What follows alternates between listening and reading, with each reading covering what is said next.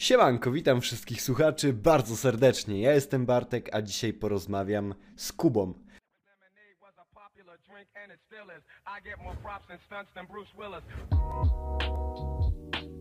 Twórcą projektu Kierunek Trener, osobą, która edukuje trenerów personalnych. Kuba sam jest trenerem personalnym. Cześć Kuba, co tam słychać, jak ci dziną, minął dzień? Cześć Bartek, hej, hej, witam Ciebie, wszystkich słuchaczy. E, dzień mi minął tak jak zwykle, czyli na pracy, na treningu. Tak zwykle urzęduję, jeżeli nie odpoczywam. Mhm. Kuba, e, szczerze mówiąc, ostatnio zobaczyłem, że wydajesz książkę. Czy mógłbyś troszeczkę więcej opowiedzieć mi o tej książce, mi, e, moim widzom, troszeczkę może zainteresować ich tym projektem? Okej. Okay. Generalnie, jeżeli chodzi o książkę, to ona powstała na kanwie tego, że zajmuję się właśnie, tak jak powiedziałeś, trenerami personalnymi. Pomagam im w biznesie e, razem z Bartkiem, z Bartoszem Dytkowiczem, który tu obok mnie siedzi. Razem tworzymy kierunek trener i agencję Eximus. Czyli pomagamy głównie podmiotom w branży fitness i trenerom personalnym, bo też sam nim jestem. No i zauważyłem taką potrzebę, że trenerzy personalni, zwłaszcza w dzisiejszych czasach, e, czyli w pandemii, ale w ogóle wcześniej, e, potrzebują tej wiedzy, jak się promować. Po prostu jak się zdrowo promować, czyli nie spięty e, biceps czy tyłek, bo to się robi łatwo, rzuca się na Instagrama i ten, tylko tak strategicznie, jak do tego podejść, jak zyskać społeczność, takich ludzi zaufanych. Niektórzy muszą się tego uczyć. Tak jak ty, Bartek, tworzysz sobie tutaj podcast na luzie, tak niektórym trzeba powiedzieć, że taki podcast w ogóle istnieje, że trzeba go tworzyć i tak dalej, i tak dalej, więc dla takich osób, które chcą zacząć i od A do Z zbudować swoje media społecznościowe, taką książkę zdecydowałem się napisać. Pisałem ją od maja do e, właściwie końca grudnia, no i teraz jest w procesie wydawniczym, właściwie już jest na ukończeniu. Niebawem będzie w wersji fizycznej. Poruszasz bardzo ciekawe tematy, ponieważ E, z tego co widzę, koncentrujesz się przede wszystkim na social mediach, a tak naprawdę, jeśli patrzymy na e, całe społeczeństwo, na wszystkich trenerów personalnych, to bardzo mało osób wykorzystuje social media do tego, żeby po prostu zarabiać, zarabiać na swojej pasji i wykorzystywać to. Nie wiem, Kuba, co o tym sądzisz, o właśnie wykorzystywaniu social mediów? E, czy to jest temat właśnie niewykorzysty, niewykorzystany? Może troszeczkę źle zagaiłem to pytanie, ale ogólnie co o tym sądzisz? No tak, jeżeli chodzi o te media społecznościowe, no to trenerzy się dzielą na bardzo, że tak powiem, różne segmenty. Jedni wiedzą, że tego potrzebują i oczywiście po te media społecznościowe sięgają. Nie na takim poziomie jak profesjonalista z agencji, więc muszą się tego uczyć, uczą się tego od nas i mają fajne efekty. Niektórzy e, są gdzieś tam po środku, czyli przyzwyczajają się do nich, oni potrzebują takiej bardzo, bardzo początkowej wiedzy, e, gdzieś tam na poziomie tego, jak zmienić nazwę na fanpage'u i w zasadzie oni jeszcze nie wiedzą, jak to ugryźć, ale wiedzą, że powinni. No i jest jeszcze taka opozycja, czyli ludzie, którzy twierdzą, że online jest zły, że ludzie się uszkodzą w online, że to, to jest dla fit celebrytów i oni nigdy w to nie pójdą. No niestety wyboru wielkiego nie mają w dzisiejszych czasach, żeby w to nie iść, no bo taki mamy świat, że mamy Ubery, mamy Spotify, mamy różne inne takie rzeczy, że po prostu świat zmierza do jednak e, takich kompleksów w aplikacji, internecie do łatwości dostępu, tak? Chcę wypożyczyć sobie hulajnogę z ulicy, samochód z ulicy, już nie chcę dzwonić, podpisywać umów, tylko aplikacja, wsiadam do samochodu, przejeżdżam, zostawiam, tak? I tak samo jest z trenerem. Ja już nie chcę bardzo długo tego trenera szukać, decydować się, jeżeli ja nie jestem jakimś trójboistą, bokserem czy kimś tam, tylko ja chcę po prostu wejść w jakąś aplikację czy gdzieś tam w media społecznościowe, tego trenera znaleźć. Trenerzy mają trochę racji, bo faktycznie ci fit celebryci, niektórzy, którzy kopiuj wklej robią te diety, oni faktycznie robią syf w tej branży i to nie odmówię tego, ale to jest jakiś mały odsetek i świadomy podopieczny, którego trenerzy edukują tak naprawdę nieustannie jakimś e, odsiewaniem tych faktów i mitów e, od całości, no to tak naprawdę on już wie mniej więcej e, na co uważać, tak, czego się spodziewać po tym trenerze. Więc no mówię, to są takie trzy grupy. Ci, którzy aktywnie to robią, to są kursanci akademii na przykład, którzy faktycznie sporo inwestują w ten marketing, mają tam efekty. Ludzie, którzy zaczynają i ludzie, którzy stoją w tej opozycji. Tak to wygląda. Więc część wykorzystuje, część nie. Mhm. Kuba, a jak to się stało, że zdecydowałeś się założyć firmę, zacząłeś działać właśnie w tej tematyce, zacząłeś po prostu uczyć swoich kursantów? Skąd pojawił się ten, ten pomysł, kiedy on się pojawił i dlaczego? Okej, okay. ja nie jestem tylko trenerem, tylko generalnie można powiedzieć przedsiębiorcą, czyli mam kilka firm i w zasadzie mm, od początku taki gdzieś tam mój zamysł był, bo po prostu taki z natury jestem. Ale jeżeli chodzi o aspekt bycia przedsiębiorcą, to ja po prostu lubię niezależność i to głównie o to chodzi. Nigdy nie chciałem, żeby ktoś mi mówił, co mam robić. E, po prostu, może niektórzy myślą, że jestem e, ułożony w kostkę, ale nie jestem. Jestem po prostu wolnym takim ptakiem kolorowym i po prostu, e, no ja nie nie dzierżę żadnych tam rozkazów i ograniczeń. To jest jedna rzecz. Druga, dlaczego zostałem trenerem? Bo może to zabrzmi po prostu e, trochę jak truizm, ale bardzo lubiłem zawsze pomagać ludziom. Robiłem to na różnych poziomach wcześniej, tak, czyli e, moich e, niekoniecznie że tak powiem, kulturalnych kolegów wyciągałem z różnych kłopotów, to, to kiedyś ja za młodu, później bardziej właśnie jako kickboxer, no to pomagałem młodzikom przygotowywać się też do zawodów, bo ćwiczę kickboxing 11 lat już w zasadzie 12 rok mi, mi leci. E, no i co? I tak jakoś poszedłem za tym, że ten, ten zawód zaczął być popularny, to mniej więcej tak około 6-5 lat temu. E, I ja się wybrałem na pierwszy kurs. No byłem wtedy kompletnie zielony. Tak z perspektywy czasu byłem bardzo kiepskim trenerem, ale cieszyło mnie to, że idę do kogoś, kto jest otyły, kto się źle czuje, a ja to zmieniam. Głównie o to chodziło. I tak, taki jakby był zamysł tych dwóch aspektów, czyli bycia trenerem i bycia przedsiębiorcą. A czemu zacząłem pomagać trenerom, bo sam jako trener miałem bardzo dużo problemów, tak? Czyli e, po prostu ciężko mi było, nie wiem, złapać tego, tego bakcyla, żeby zacząć zarabiać więcej, żeby utrzymywać tych klientów. Jakoś ten warsztat był dla mnie ciężki. No i po czasie, jak go wyrobiłem, po, ty, po tych latach mojej pracy, naprawdę po 10-12 godzin treningów dziennie, czy to grupówek, czy indywidualnych, czy różnych, tak naprawdę ja złapałem swój system, jak to zrobić. Miałem już później dużo podopiecznych, miałem swoich trenerów i tak naprawdę e, przełożyło się na to, że ja stwierdziłem, ja mogę to pokazać tak naprawdę innym trenerom, nic na tym nie stracę, ja swoich podopiecznych mam i zaczęło się to zupełnie darmowo, więc kierunek trener na początku nie zarabiał, on po prostu był projektem, który powstał e, tylko i wyłącznie po to, żeby tą wiedzą się dzielić, a później ktoś mówił, Kuba, ja chcę, żebyś mi to opakował, ja nie chcę ci mm, po prostu za darmo ciągle brać, więc zacznijcie to robić tak. No i tak powstało, że, że zrobiliśmy z tego też jakąś tam drugą odnogę działalności. Mhm. Kuba, mam pytanie odnośnie typowo biznesu. Czy pracowałeś kiedyś na etacie? Mówisz, że e, zawsze chciałeś być wolny, jeśli chodzi o aspekt finansowy, dla, dlatego zdecydowałeś się być przedsiębiorcą. Czy nie wiem, może miałeś jakiś e, urywek swojego życia związany z pracą na etacie? Miałem, miałem, oczywiście. Znaczy się tak, ja e, po pierwsze jakby nie demonizuję też etatu, prawda? Bo to, to nie chodzi o to, bo mm, daleki jestem od tego, mm, tylko że nie lubię, kiedy ktoś mówi mi, co mam robić, i nie lubię nieuczciwego etatu. I niestety to się zdarza często w Polsce.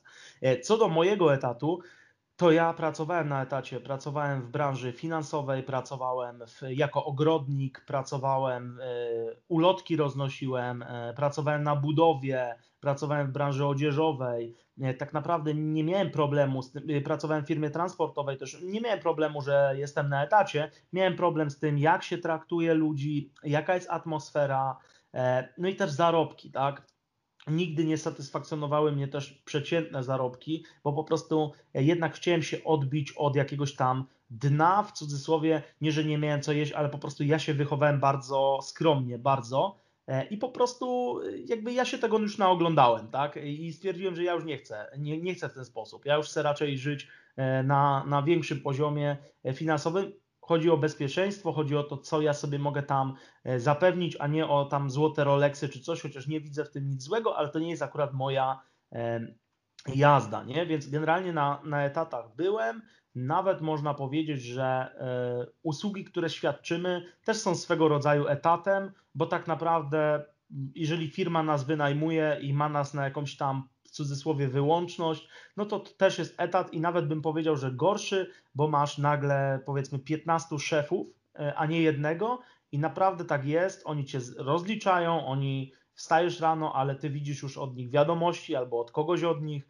gdzie jest raport, gdzie jest to, gdzie jest tamto. No i tak to się po prostu dzieje, więc trzeba to e, wszystko też wziąć pod lupę, że to nie jest do końca takie wygodne. To jest wtedy, kiedy stawiasz niezależność y, nad bezpieczeństwo, tak? Po prostu to jest taka, takie ciężkie do wytłumaczenia, dlaczego to się robi. Dlaczego y, dwa lata pozwalasz sobie nie zarabiać, czy trzy, żeby później mieć z tego więcej, tak? No bo to jest nielogiczne. Czy lepiej iść na etat, od razu dostać kasę, nie?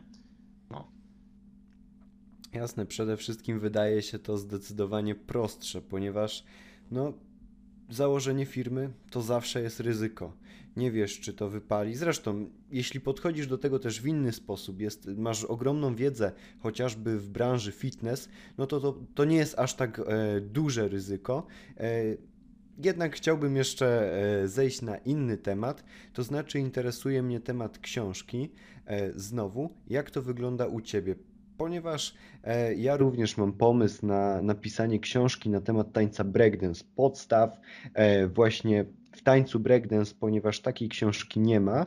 Natomiast jest to nisza bardzo zainteresowana. Wiele osób to samouki, którzy chcieliby po prostu nauczyć się, dostać taką wiedzę, jak wykonywać dane ćwiczenia, technikę dotyczącą mhm. tych elementów w tańcu breakdance. Mam pomysł na wydanie tej książki, piszę ją i e, jak to ogólnie wygląda? Czy ty e, wydajesz książki w modelu self-publishing, czy współpracujesz z jakimś wydawnictwem? Jak wygląda ogólnie taki proces e, wydania książki? E, tak. No ja zdecydowanie ten self-publishing, bo ja od początku tak założyłem. E, jak wygląda ten proces, to Ci za chwilę opowiem. E, generalnie, jeżeli chodzi o, o książkę, ja od początku chciałem e, skierować ją do mojej społeczności. Więc to jest taki pierwszy punkt, którym być może często się słyszy, nie wiem, ale e, ja bym książki nie wydawał, gdybym nie miał swojej społeczności z ludzi, którzy mi ufają przede wszystkim, bo e, po prostu no nie miałbym gdzieś tam takiej, takiej powiedzmy w cudzysłowie pewności, że ona się sprzeda, że ten temat jest chwytliwy. Teraz widzę, że jest, więc przede wszystkim, żeby książka fajnie chwyciła w self-publishingu, czyli nie, żebyś nie potrzebował tej, tego wydawnictwa, no to trzeba by tą swoją społeczność mieć. Ludzi, którzy wokół ciebie faktycznie się obracają, dla nich to jest naturalne. Czyli ja dzisiaj wrzucam, że ta książka jest, ja dzisiaj wrzuciłem i 15 egzemplarzy poszło od razu. Tak? Nawet wcześniej, w przedsprzedaży one schodziły, ale po prostu y, od razu sobie to zeszło. Dlaczego? No bo ludzie cię śledzą, tak? Ludzie cię śledzą i oni po prostu naturalnie widzą twój podcast w niedzielę, tak, ale w pewnym momencie ty komunikujesz, słuchajcie, piszę książkę, tak jak dzisiaj, na następnym wspomnisz na kolejnym i na piątym powiesz, że ona jest do sprzedaży. I część ludzi ją kupi, tak? E, czy masz jakąś grupę na Facebooku, ile ona tam osób liczy? Tam też ludzie są, którzy mogliby ją kupić. Więc od początku, jak taki proces wygląda, no po prostu książkę trzeba by napisać, nie? E, czyli ludzie to robią różnie. Ja zrobiłem tak, że spisałem najpierw spis treści, który chciałbym rozwinąć. I później zacząłem go rozwijać. To jest taki styl e, mój e, pracy. No i napisałem tą książkę. E, I co? I generalnie tutaj jest poziom taki. Okładka, trzeba zrobić sesję zdjęciową, tak jak chcesz na niej być, no i dać ją do obrobienia. No to to jest okładka. Druga rzecz to jest wydawnictwo. Są wydawnictwa, które robią to kompleksowo, czyli na przykład robią ci skład, korektę, łamanie i w ogóle dają, dajesz im tylko okładkę, albo czasem robią ci okładkę, płacisz im, i oni ci tą książkę wydają, tak? Więc potrzebna jest korekta, potrzebna jest e, właśnie obróbka tego tekstu, nie? Bo my nie zauważamy w ferworze pisania, zwłaszcza takie osoby, które są artystyczne, że po prostu ty lecisz takim flow, że robisz i błędy i w ogóle. E, ja tak mam przynajmniej, i, i tyle, tak? Więc po prostu tam było masę tego e, wypunktowanego poprawek, I, I na tym się ten proces w zasadzie kończy. Tak naprawdę czekasz na druk, tak? zlecasz druk. Pewnie tu się pytawi, pytanie o koszty pojawi jakieś tam, nie? E, koszty nie są wcale duże, to zależy jakby gdzie to się robi i tak dalej, ale to jest w granicach przygotowanie tego wszystkiego, to jest w granicach powiedzmy 6-7 tysięcy się zamkniemy. Więc to nie jest wcale dużo w porównaniu do tego, jak chcesz tą książkę faktycznie już później dystrybuować na jakąś tam powiedzmy większą skalę, nie? Mhm. Czyli w modelu self-publishing zlecasz po prostu wykonanie czy to grafikowi, e, czy to jakiemuś redaktorowi, osobie, która korektuje e, ten tekst. Natomiast jeśli wydajesz z wydawnictwem, to po prostu na chłopski rozum dajesz im to wszystko, oni dostają prawa do tego i oni się tym zajmują, natomiast ty też no, po prostu nie zarobisz na tym. No niespecjalnie, niespecjalnie. Hmm? Dlatego ja nie chciałem tego robić. Self-publishing hmm? wolałem, no. E, jeśli chodzi jeszcze o te książki, to e, tak naprawdę czy masz może jakieś aplikacje, które używasz, e, jakieś, nie wiem, jeszcze porady odnośnie tego po prostu pisania książek? Hmm, to zależy właśnie, kurczę, jak to do tego podchodzi, nie? Bo ja sobie lubię wszystko upraszczać, więc dla mnie naprawdę, przysięgam, ten proces wyglądał bardzo prosto. Otworzyłem Worda i zacząłem pisać. Mhm. E, I ciężko tutaj mi cokolwiek więcej na temat pisania powiedzieć, bo po prostu jeżeli czujemy jakiś temat, no to go napiszemy. Możemy użyć na przykład aplikacji jakiejś do pisania stricte. Są takie aplikacje. Ja akurat ich nie znam, bo ich nie stosuję. Ale na przykład, jeżeli wejdziemy sobie na jasnopis.pl i nie chcemy wydawać na jakąś tam korektę, no to on też nam poprawi w miarę tam tekst, stwierdzi, e, to jest takie narzędzie stworzone przez jakąś, jakiś tam uniwersytet polski, nie pamiętam który. E, on, on mniej więcej tam e, stwierdzi, jakiej trudności to jest tekst, czy są w nim błędy, więc to są takie przydatne narzędzia. Natomiast, tak jak mówię, no i dla mnie to było wejście w Worda, spisanie przede wszystkim tych tematów, które które chcę napisać. Może bardziej ten aspekt mindsetowy tutaj byłby ważny, czyli jak, jak w ogóle wyzwolić w sobie to pisanie, tak? Żeby nie było czegoś takiego, że, że siadam przed, przed pustym Wordem, no to ja do tego podchodzę yy, maszynowo, czyli ja nie czekam na wenę. Ja po prostu dla mnie to było tak, 6 rano do 8 jest pisanie. I nieważne, co się wtedy dzieje, choćby tam skały, strały, cokolwiek tam się dzieje, po prostu szósta, ósma było pisanie książki i koniec, tak? To jest taka jedna rada.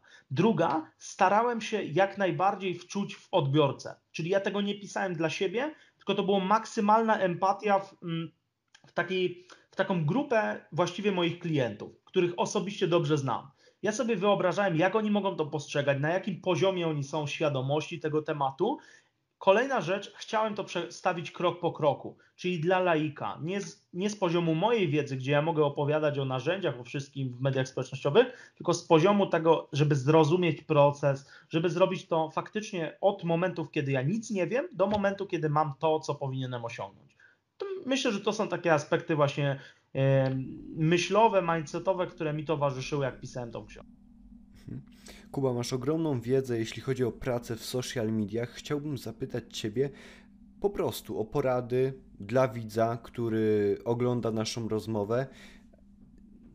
Może niekoniecznie e, jest w branży fitness, ale po prostu chce e, zacząć działać, tworzyć może własne produkty, własne materiały.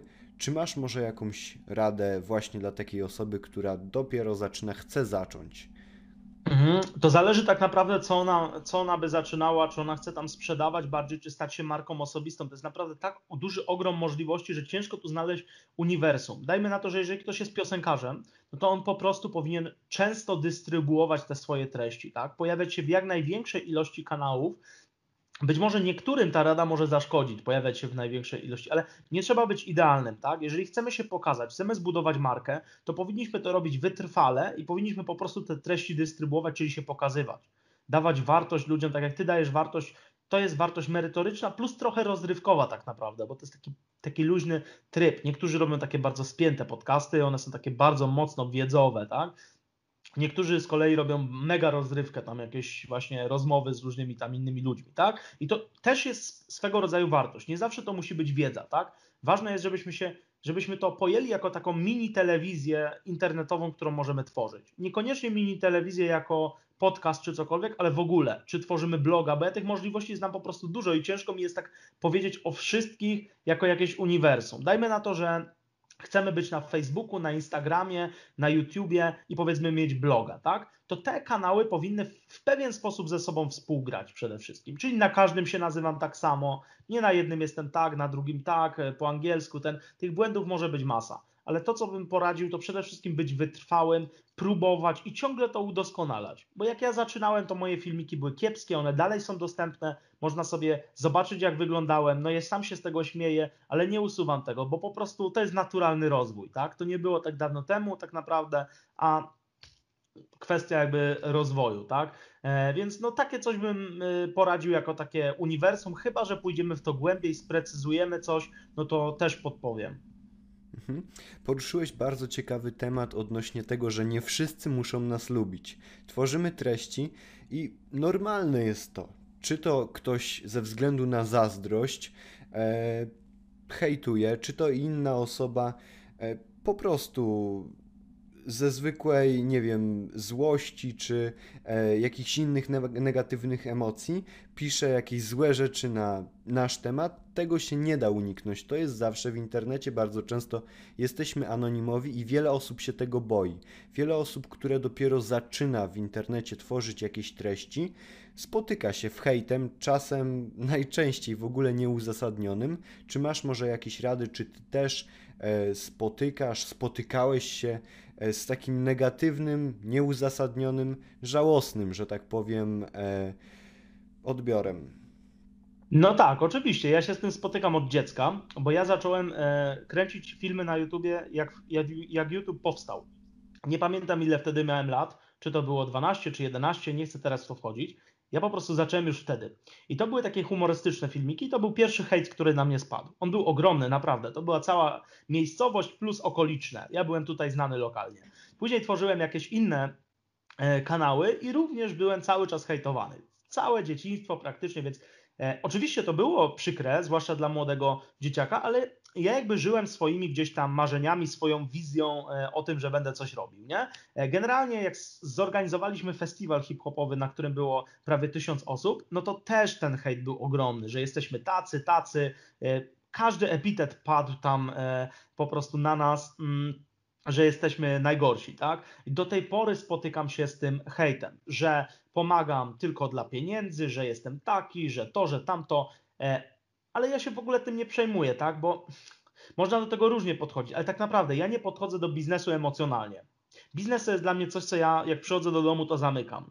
Tak, to jest jedna rzecz. E, druga, e, nie chcę być zadowalaczem czyimś, tak? Tylko jest mi to obojętne, czy, czy ktoś będzie mnie lubił, czy nie. Kompletnie mi, mi to jest po prostu obojętne. Nie szukam jakby kolegów w tych odbiorcach. Jeżeli ktoś jest spoko, to fajnie. Ale jeżeli nie, to po prostu on mnie kompletnie nie interesuje. Nie opłaca mi rachunków, nie kupuje nic ode mnie, więc tak naprawdę tym bardziej mnie nie interesuje. Mm, nie wchodzę w nim, z nim w polemikę i przede wszystkim mam świadomość, że on chce mi zaszkodzić. To jest ważne, że on, że nie szukajmy jakby sensu w tych wypowiedziach, tak? Oni głównie chcą zaszkodzić. Hater to jest osoba, która siedzi no i generalnie wylewa swój żal. To jest jego frustracja. To jest coś, co go boli, bo ty to masz, a on tego nie ma. Więc to jest bardziej przykre. Ja nie, nie dogryzam dodatkowo tym ludziom. Ja doskonale wiem, co się w ich głowie dzieje, że oni się tak zachowują i po prostu patrzę i umiem nawet z nimi rozmawiać, ale czasem nie chcę, bo szkoda czasu, więc po prostu sobie to odpuszczam. Jeżeli ktoś chce e, robić coś bez hejtu, to no nie wyjdzie. Czasami jakiś trener mówi, a może mnie to ominie. Nie ominie cię. Jak dojdziesz do pewnego poziomu, to zawsze ci coś ktoś wytknie. E, czy to będzie wygląd, czy to będzie to, co ty robisz, zawsze, po prostu zawsze. Hejt się za mną ciągnie od zawsze i dalej go mamy bardzo, bardzo dużo. I on zawsze będzie i trzeba się do tego przyzwyczaić. A nawet ja widzę w nim plusy, bo uważam, że jeżeli nas ktoś hejtuje, to znaczy, że zaczynamy coś znaczyć, że nas widać na szerszą skalę i że mamy swoje grono zwolenników i mamy swoje grono hejterów. Każdy to ma. Czy to Ewa Chodakowska, czy Michał Karmowski, czy, czy prezydent, czy premier, każdy ma, dosłownie, tak? Co my o tym nie, nie myślimy. Tylko osoba, która jest nijaka, byle jaka, nie będzie tych hejtów mieć, tak? Jeżeli mamy dwa wyświetlenia i widzi nas tylko wujek i kolega, to faktycznie tego hejtu może nie być. Ale jeżeli jest, jest to na większą skalę, trzeba się na to przygotować i uwolnić od tego, że ktoś nas klepie po główce i mówi super, jesteś fajny, fajny, to my się cieszymy, a jak ktoś powie, że jesteśmy B, to my jesteśmy smutni. Nie, po prostu robimy swoje zadaniowo. Dzisiaj mam zrobić podcast, to robię, a co tam się dzieje w komentarzach? Mniejsza, tak? Bo to tylko my zdrowie tak naprawdę tracimy. Ja mam takie podejście do hejtu. Mhm. Jasne, że tak. No, to jest nasze życie. Życie mamy tylko jedno. Oni za nas tego życia nie przeżyją. Nie wiedzą, co mamy w głowie, nie znają naszych historii, naszych pomysłów. Wylewają jakieś frustracje, ale troszeczkę wiesz co? Przeraża mnie, że tego jest tak dużo, na tak dużą skalę. Naprawdę e, tego hejtu jest bardzo dużo. Naprawdę, nie wiem, ktoś robi jakąś zbiórkę jakaś fundacja organizuje zbiórkę pieniędzy dla osoby niepełnosprawnej, tam też znajdzie się hejt, że nie wiem, ktoś tutaj podbiera jakieś pieniądze, wymyśla. I najczęściej to jest nieuzasadnione. Tam bardzo często nie ma żadnych argumentów, tylko są takie infantylne, głupie po prostu teksty. I szczerze mówiąc, nie wiem, życzę tym wszystkim osobom, żeby zaczęły się odnajdować, korzystać z życia, bo naprawdę możliwości mamy nieskończenie wiele i tak naprawdę to wszystko zależy od nas. Nie wiem, Kuba, e, co sądzisz o temacie e, ogólnie o ludziach?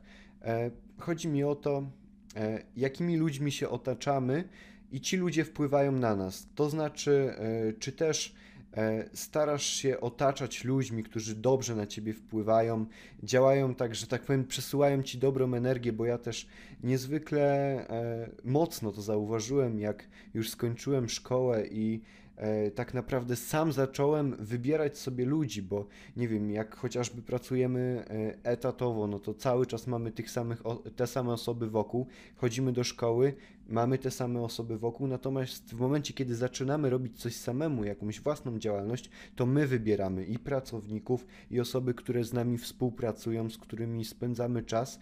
Nie wiem, co sądzisz o tym temacie, Kuba? Tak, tak, tak. E, dotknąłeś, dotknąłeś takiego bardzo ważnego tematu, o którym tak naprawdę ja go trochę pominąłem, jak pytałeś mnie o tą działalność. E, to jest fakt. Ja zacząłem w wieku 15 lat, 16 właściwie, do, dołączyłem do marketingu sieciowego. On też był bardzo hejtowany. Można było, tam mnie ktoś nazywał pan perfumik e, i tak dalej, i tak dalej, prawda? Bo to się z tym kojarzy, to wiesz o co chodzi, MLM, tak? E, no i generalnie ludzie, którzy tam byli, jak ja jeździłem na te szkolenia, to była mega fajna, taka pozytywna energia. Coś, czego ja co było niesamowite. Ja po prostu tam dostawałem takiej energii przy tych ludziach. Ten mindset był tak fajny, oni byli dla siebie tak życzliwi, ogólnie cokolwiek tam ktoś nie zrobił, to nikt się z tego nie śmiał, tak? A nawet jak się śmiał, to w takim pozytywnym sensie. Po prostu ja w pewnym momencie stwierdziłem, kurde, ja nie chcę spędzać czasu już z tymi ludźmi, którymi wcześniej, bo oni są zwyczajnie negatywni. Ja do nich po prostu przyjeżdżam, oni ciągle narzekają, opier opierdają komuś dupę i tak dalej, nie? Więc generalnie y, od tego się zaczęło i faktycznie ma to duże znaczenie. Czasem nie mamy na to wpływu, więc polecam y, zwiększyć ten wpływ stanowczo, bo to ma bardzo, bardzo kluczowe znaczenie na to, jacy jesteśmy i ja się właśnie staram y, zawsze otaczać tymi, którzy dobrze na mnie wpływają, a ja na nich i to jest wyczuwalne, tak? Po prostu gdzieś tam e, mm, empat, jako taka osoba bardzo empatyczna umiem wyczuwać, z kim się czuję dobrze, z kim nie. Od razu wystarczy, że popatrzę na czyjąś minę i, i po prostu ten nastrój umiem e, odczytać, nie tylko nastrój, ale też jaką, jaki ktoś ma vibe, jaką energię. Czy bardziej mm, epatuje tą, tą negatywną, tak, jest tak nastawiony, czy, czy pozytywną, bo to to jest e, bardzo wyczuwalne. Więc ja też miałem takich znajomych, którzy.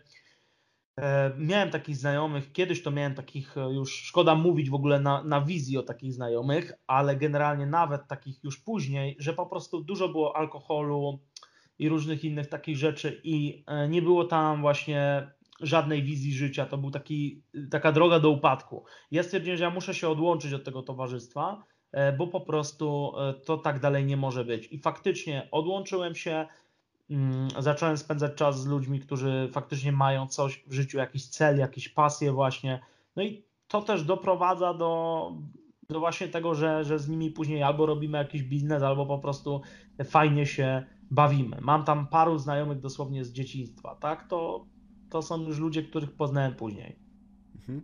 Kuba, ja wyobrażam sobie to w taki sposób, że nie wiem, mam pomysł, chcę założyć firmę, e, chociażby na Twoim przykładzie firma, znaczy teraz wcielam się w Twoją osobę, chcę założyć firmę kierunek trener, idę do gościa, który, no tak jak mówiłeś, pije alkohol, nie ma żadnego pomysłu na życie, negatywnie patrzy na świat, wszystkim zazdrości.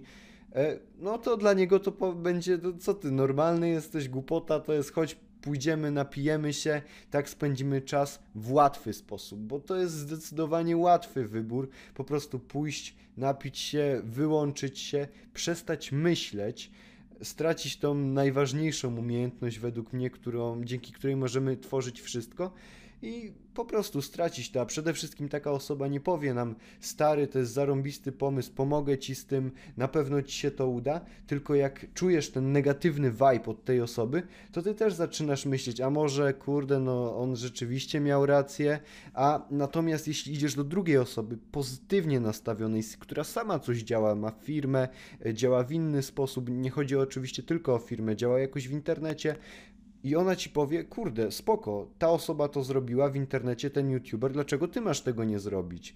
I to wszystko to nakręca, kurde, ten temat związany z ludźmi, którzy nas, nas otaczają jest niezwykle ważny. Tak naprawdę, no czasem trudno jest odciąć się od pewnego społeczeństwa, no bo nie wiem, chociażby taki przykład, ktoś, ktoś mieszka w małej miejscowości, gdzie jest tylko jedna szkoła i co za tym idzie, cały czas otacza się tymi osobami, bo nie może chociażby przenieść się do innej. Natomiast ważne jest to, żeby mieć swoje zdanie. Czasem to jest niezwykle trudne, ale chociażby, nie wiem, wracamy do domu, starajmy się szukać chociażby w internecie pozytywnych osób, youtuberów, którzy mają coś do przekazania, a nie tylko nagrywają jakieś szajsy kompletne, bo tego też jest niezwykle dużo, ale po prostu szukajmy tych ludzi wartościowych, bo oni nas będą ciągnęli w dół, a nie ciągnęli na dół.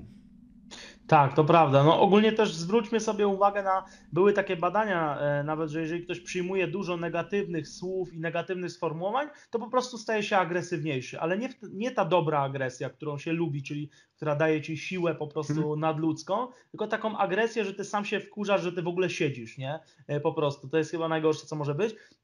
No i generalnie też patrzmy na, nie tylko na, na ludzi, ale muzyka, którą słuchamy, wiadomości, w ogóle najlepiej się odciąć od nich, bo to jest przesyw tak, polecam taką stronę jak Dobre Wiadomości. Z tym też można przesadzić, bo codzienne słuchanie o tym, że koziołki się pasą i w ogóle, no to też nie jest dobre, tak? Ale znaleźć ten balans, żeby być po prostu wewnętrznie e, szczęśliwym i to jest faktycznie e, istotne. No. A jeżeli chodzi o ten aspekt, no to ja też dorastałem w takim środowisku, gdzie w sumie byli sami dresiarze. Sam kiedyś byłem łysy i chodziłem w dresach. Więc generalnie, no tak się wychowałem, nie? Więc generalnie ja e, nie tyle, co mówię, że to jest najgorsze, co, co może być środowisko i tak dalej, ale żeby się odciąć, faktycznie trzeba sobie po prostu być niezależnym. Kiedy ci proponują tam papierosy czy, czy coś, to po prostu mówisz, że, że sorry, ale nie chcę. Mogę sobie z wami postać, ale to nie jest dla mnie. I tyle, tak? Ja tak robiłem całe, całe życie. I generalnie co? Za, zakładasz słuchawki i masz swoją jazdę, swoją misję. I ty wiesz, gdzie kiedyś dojdziesz, tak? Po prostu na tym to polega, gdzie cokolwiek, czy latają ci talerze wokół, czy nie, ty się wyłączasz po prostu i jesteś w swoim e, świecie. I tak z tego można wyjść. A jeżeli w to idziesz, no można iść dwoma stronami. Albo się na to wkurwisz i po prostu powiesz, że to, to jest życie, do którego nigdy nie wrócę, albo po prostu pójdziesz, tak powinno być. To jest normalne życie. Dzisiaj trzeba się na, napić, nie? no. Jasne, że tak. Kuba, ja zawsze miałem taki argument, że po prostu, nie wiem, e, ktoś mnie namawia do czegoś, do, nie wiem, jakiegoś szluga. E, ja mówię, ja jestem sportowcem, ja ćwiczę, zależy mi na moim zdrowiu. Nie wiem, może kiedyś jak będę chciał, to spróbuję. Teraz nie chcę, dziękuję. I zawsze, jeśli ta osoba mnie namawiała do tego, nie szanowała mojego zdania, bo jak ja mówię, że nie, no to kurde, nie. Jeśli mnie namawiała do tego, to znaczy, że ta osoba po prostu nie jest warta mojej znajomości bo to jest tak naprawdę namawianie do złych rzeczy i tak naprawdę i pogorszenie mojego zdrowia i wpływanie źle na mnie, jeśli tego nie chcę, więc od takich ludzi przede wszystkim e, staram się unikać. Uciekł mi jeden temat, bo chciałem poruszyć e, jakiś temat, ale właśnie, właśnie zapomniałem o czym to miało być. No ogólnie jeżeli o takie rzeczy chodzi, no to tak, no i ja też tam sobie spróbowałem tego papierosa, no i stwierdziłem, no mega syf, tak jakbym palił kartkę, no okej, okay, no spróbowałem, tak, e, więc to co mówisz, no, no, jeżeli ktoś nie rozumie słowa nie, to też, to też nie warto, nie, nawet mnie to zawsze irytowało, zresztą ja też sportowcem jestem, więc dla mnie e, czy alkohol, czy coś, lubię oczywiście od czasu do czasu, ale to jest, e, wiesz, e, to jest inne picie, nie, to jest tam napicie się wina czy coś, raz na tydzień czy raz na miesiąc, a nie po prostu codziennie kilka browarów, nie? Więc to jest mhm. fakt. Nie wiem o co chciałeś zapytać, czy, czy biznes. Już, już mi wróciła myśl. E, chodzi mi o to, że przedtem rozmawialiśmy o tych pozytywnych wiadomościach w, in e, w internecie, o e, tej pozytywnej gazecie, no ogólnie o informacjach. Natomiast z tym, co, z czym cały czas się spotykam, odpalam telewizję tam cały czas naprawdę pojawiają się tylko negatywne wiadomości. Okej, okay, jest wirus, ale dlaczego nie cieszymy się, że śmiertelność tego wirusa jest mała tak naprawdę? I rzeczy, które cały czas się dzieją, jak rozwija się technologia, jak w ogóle samo to, że chociażby 100 lat temu mieliśmy problem e, z energią, z takimi rzeczami, które są dla nas zupełnie normalne tak naprawdę, że mamy ciepłą wodę w kranie, że mamy ciepło w domu, że w ogóle dostajemy się z miasta do miasta, nie wiem, w pół godzinki, bo mamy super furę, super autostrady, a my cały czas szukamy takich naprawdę głupot. Zamiast kurde działać, zajmować się sobą, pracować, no to to jest źle, tego nie zrobię, bo, bo, bo po prostu szukanie cały czas takich e, bardzo negatywnych, ujemnych rzeczy, które no, w żaden sposób nas nie rozwijają, a naprawdę warunki mamy niezwykle dobre, bo człowiek istnieje już tysiące lat, a tak dobrych warunków, jak mamy teraz, nie mieliśmy nigdy. I kurde, ktoś się kiedyś, nie wiem, rodził w jakiejś klasie, był chłopem, no to nie miał jak dostać się później do jakichś elit, e, działać, a my tak naprawdę no, mamy otwarte możliwości i wystarczy chcieć działać. Tak samo jak ty mówisz, teraz masz firmę, teraz zarąbiście prosperujesz, też nikt ci tak naprawdę, nie, nie odziedziczyłeś firmy po kimś, samemu to stworzyłeś, więc no jesteś przykładem, że można, tylko trzeba przede wszystkim chcieć i, i pracować. Tak. E, wiesz co, no generalnie e, w dalszym ciągu jest, e, są takie, jest wiele takich rejonów świata, gdzie ludzie, no tak jak mówisz, nie mają elektryczności, nie mają nie tylko ciepłej wody, ale nie mają zdrowej wody, więc generalnie no, my się powinniśmy tym bardziej cieszyć. A telewizja jest raczej zaprojektowana dla w cudzysłowie szarych ludzi, tak? czyli dla nie żebyśmy my tu byli jacyś oderwani Jasne. od rzeczywistości, ale chodzi generalnie o to, że ona ma Y, po pierwsze funkcję reklam, to jest jeden, ale dwa, ma podsycać dopaminę przede wszystkim. A ludzie, którzy mają, że tak powiem, szare życie, tak, czyli brak zainteresowań, fabryka od rana do wieczora, tak, i w ogóle takie mm, właśnie uzależnienia i tak dalej, oni lubią te dopływy dopaminy, tak, czyli problemy, coś złego, trochę dobrego, zaraz jakieś dlaczego ja, zaraz jakiś głupi serial i człowiek się odmurza generalnie, nie? I jakby to, ja uważam osobiście, że to nie jest do końca przypadkowe, że ta telewizja powstała i że jest na tak szeroką skalę. E, nie, że jestem jakimś zwolennikiem tu teorii spiskowych, że za darmo telewizory e, zleciały z nieba kiedyś, tylko bardziej patrzę tutaj pod kątem takim, że jeżeli ktoś daje się w to wciągnąć, to faktycznie żyje w rzeczywistości, która jest zupełnie inna, tak? Bo to, co jest w tym telewizorze podane, to w zasadzie ta osoba o tym ciągle gada, tak? Ja to widzę na przykład po swojej jakiejś tam rodzinie, która jest starsza, czyli pokolenie takie plus 70, tak? One faktycznie żyją tą telewizją i nieważne, czy, czy, czy, czy rzeczywistość jest inna, no to to, co jest w telewizji, one o tym faktycznie mówią i to jest przerażające, tak, że w tym filmie było tak, w tym filmie policja taka, w tym filmie pogotowie takie. Ja mówię, kurczę, przecież to w ogóle, wiesz, trzeba wyjść z domu, bo, bo zupełnie inna rzeczywistość, więc może to jest celowe, e, nie wiem, ale no ja nie oglądam w ogóle telewizji od x wielu lat i czuję się szczęśliwy, nie czytam wiadomości, wiem jaką to ma funkcję, wiem, że to służy tylko po to, żeby człowieka otępić i tak naprawdę nie ma po co tego śledzić a czasem przypadkowo zdarzy mi się, że byłem w jakimś tam hotelu czy coś i, i, jeszcze jakiś czas temu to, to widziałem właśnie, że cały czas jeden i ten sam komunikat. Wirus, wirus, wirus, wirus, na zmianę z jakąś tam aferą, tak? No to już chyba nic innego nie istnieje, tak? Że, że tylko to się pokazuje. Tak, no ale kurde, jak te osoby e, spędzają tak duży, e, dużą ilość czasu oglądając takie rzeczy, no to tak naprawdę oczywiste jest to, że nie wiem, ktoś ogląda jakiś paradokument parodiujący tak naprawdę szkołę i później myśli, że w szkołach jest tak samo.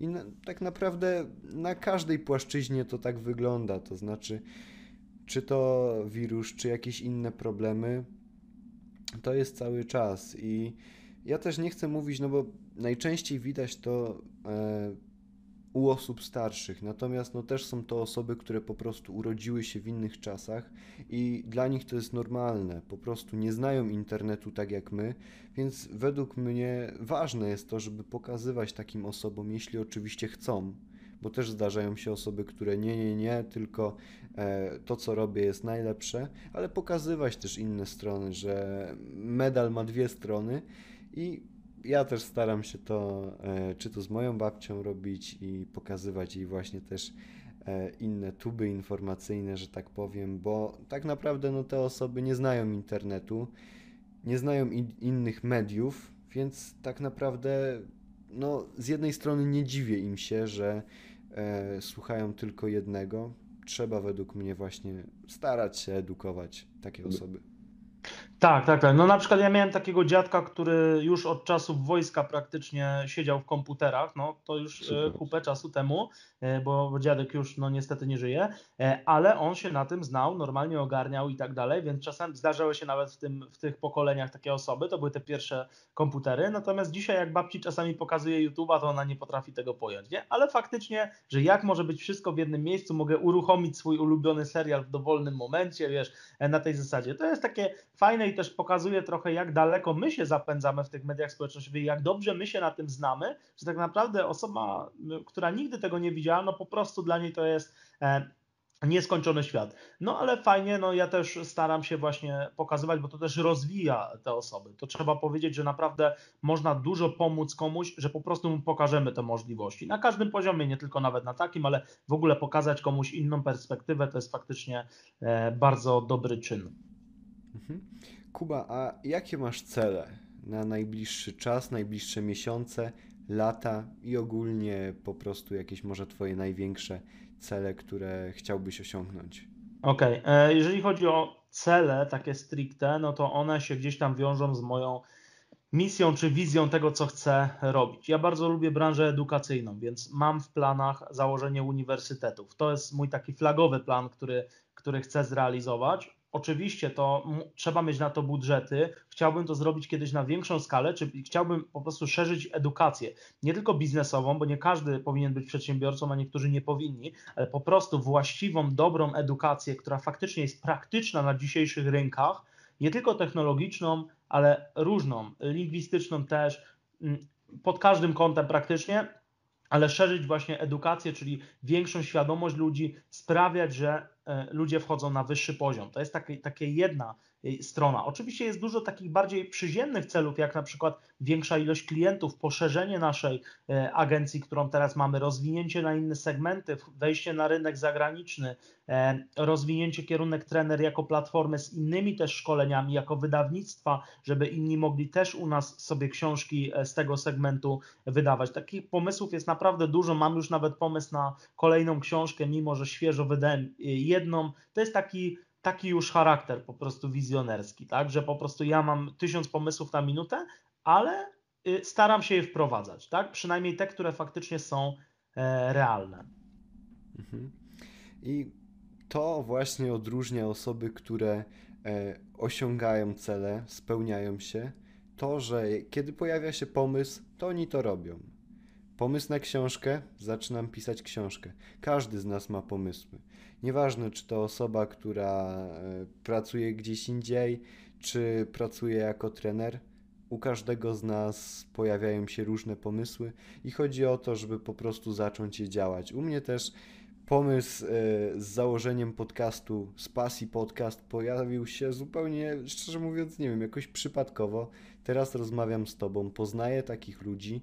Zdecydowałem się to zrobić, a oczywiście, kurde, nie musiałem tak naprawdę, ale chciałem, bo taki miałem cel i właśnie o to chodzi. Życzę tego wszystkim słuchaczom, żeby po prostu próbować, bo nie wiadomo, co, co będzie za 10 lat, co będzie za 5 lat.